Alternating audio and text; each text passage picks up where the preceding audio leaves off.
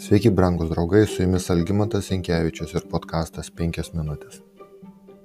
Karaliui Jehojachinui patekusi Babilono nelaisvė, pranašas Jeremijas parašė laišką naujakuriams, kur be kito ko pasakojo apie grįžimo į Jeruzalę laiką.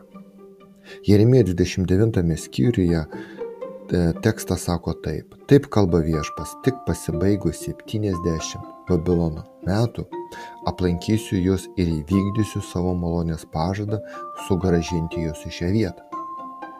Pirmaisiais Akhasvero sūnaus Darijaus, kilusio iš Medų ir tapusio Chaldėjų karalystės karaliumi metais, pirmais jo valdymo metais aš Danielius stengiausi suvokti knygose, kaip pagal pranašą Jeremiją pasiekusi viešpadė žodį, skaičiuoti metus, po kurių turėjo baigtis Jeruzalės niokojimas, būtent 70 metų.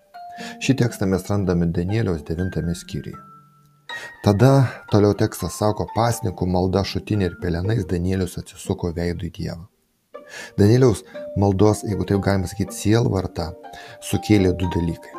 Viena vertus Jeremijas pasakė, kad pasibaigus 70 nelaisvės metų, grįžimas į judėją priklausys nuo atgailos ir Dievo a, ieškojimo.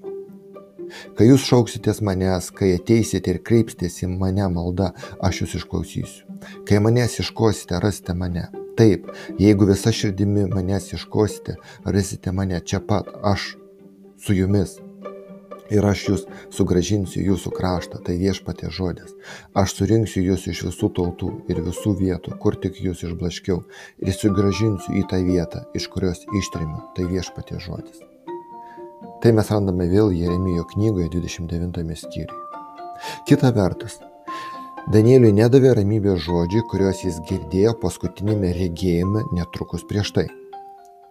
Išgirdau kalbant šventai ir kitas šventasis kreipėsi į tą nepažįstamai kalbantį, kiek ilgai tęsi šio regėjimo įvykiai susijęs su kasdieninė auka, siaubo keliančia nuodėmė, šventyklos ir galybių tripimu, Jis man atsakė 2300 vakarų rytmečių, o po to šventykla bus apvalyta. 2300 metų, jei taikytume pranašišką dieną už metus principą, yra iš tikrųjų labai ilgas laikas. Daug kartų ilgiau nei 70 nelaisvių, nelaisvės metų. Ar Jeruzalės šventykla nebus atstatyta taip ilgai? Visą tai taip jaudino pagyvenusi Danielių, kad jis meldėsi, pasnikavo su šutinė ir pelenais. Šiuo metu jam pasirodo anksčiau matytas vyras Gabrielius ir paaiškina jam 2300 vakarų ir reikmečių regėjimą. Jis sako, 77 skirtas tavo tautai ir tavo šventai miestui. Tuomet baigsis nusižengimas, ateis galas nuodėmiai, bus išpirkta kaltė, įvestas amžinas teisumas, užanspauduoti regėjimai ir pranašystės ir patepta tai, kas švenčiausia. Todėl žinok ir suprask, nuo to laiko, kai paskelbtas žodis atnaujinti ir statyti Jeruzalę, iki pateptojo vado, bus 7 septynetai ir 62 septynetai. Ji bus atstatyta su aikštėmis ir apsauginiu grioviu ir tai vyks priespaudos metais. Po 62 septynetų pateptasis bus nužudytas, bet ne dėl savo kalties, o teisinčio vado tauta sunaikins miestą ir šventyklą. Jo galas ateis lyg potvinis, iki pat galo vyks karas ir skirtasis niokojimas. Vieną septynetą jis sudarys stiprią sandorą su daugeliu. Per pusę septyneto sustabdys aukojimą ir atnašavimą. Vietoj jų bus siaubingoji pabaisa, iki skirtoji pražutis bus išlieta ant niokotojo. Gabrielis ne tik ramino Danielių, bet ir parodė, kad artimiausių metų bus atstatyta ir šventykla, ir Jeruzalė. Šventas raštas mums pasakoja apie tris Persijos karalių potvarkius dėl Jeruzalės ir belaisių gražinimo. Trakiro dekretas 537 metai prieš Kristaus, kur liepta atstatyti šventyklą, bet ne miestą.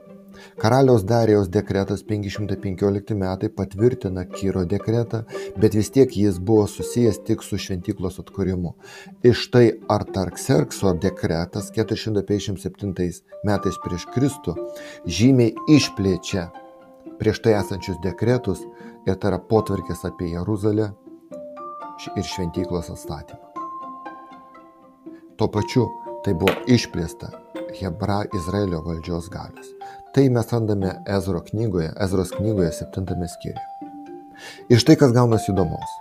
Kai prie 457 metų pridame 69 pranašiškas savaitės, o tai yra 483 metus, jeigu paverstumėme metus, tada gauname 27 mūsų eros metus. Jėzaus Kristaus krikšto metus ir tarnystės pradžią, kaip rašo Luko Evangelijoje trečias skyrius. Jėzaus tarnystė truko pusę savaitės, tai yra 3,5 metų. O Jėzus, Jėzų, Jėzų nukryžiavus, avinėlio aukojimas nebeteko prasmės. Paklausti, kodėl? Nes prototipas avinėlis susijungia su realybė, tikruoju Dievo avinėliu, kuris naikino pasaulio nuodėmės, Jėzumi Kristumi. Taigi prieš penkis šimtmečius viešpats tiksliai numatė mesijo pasirodymo laiką.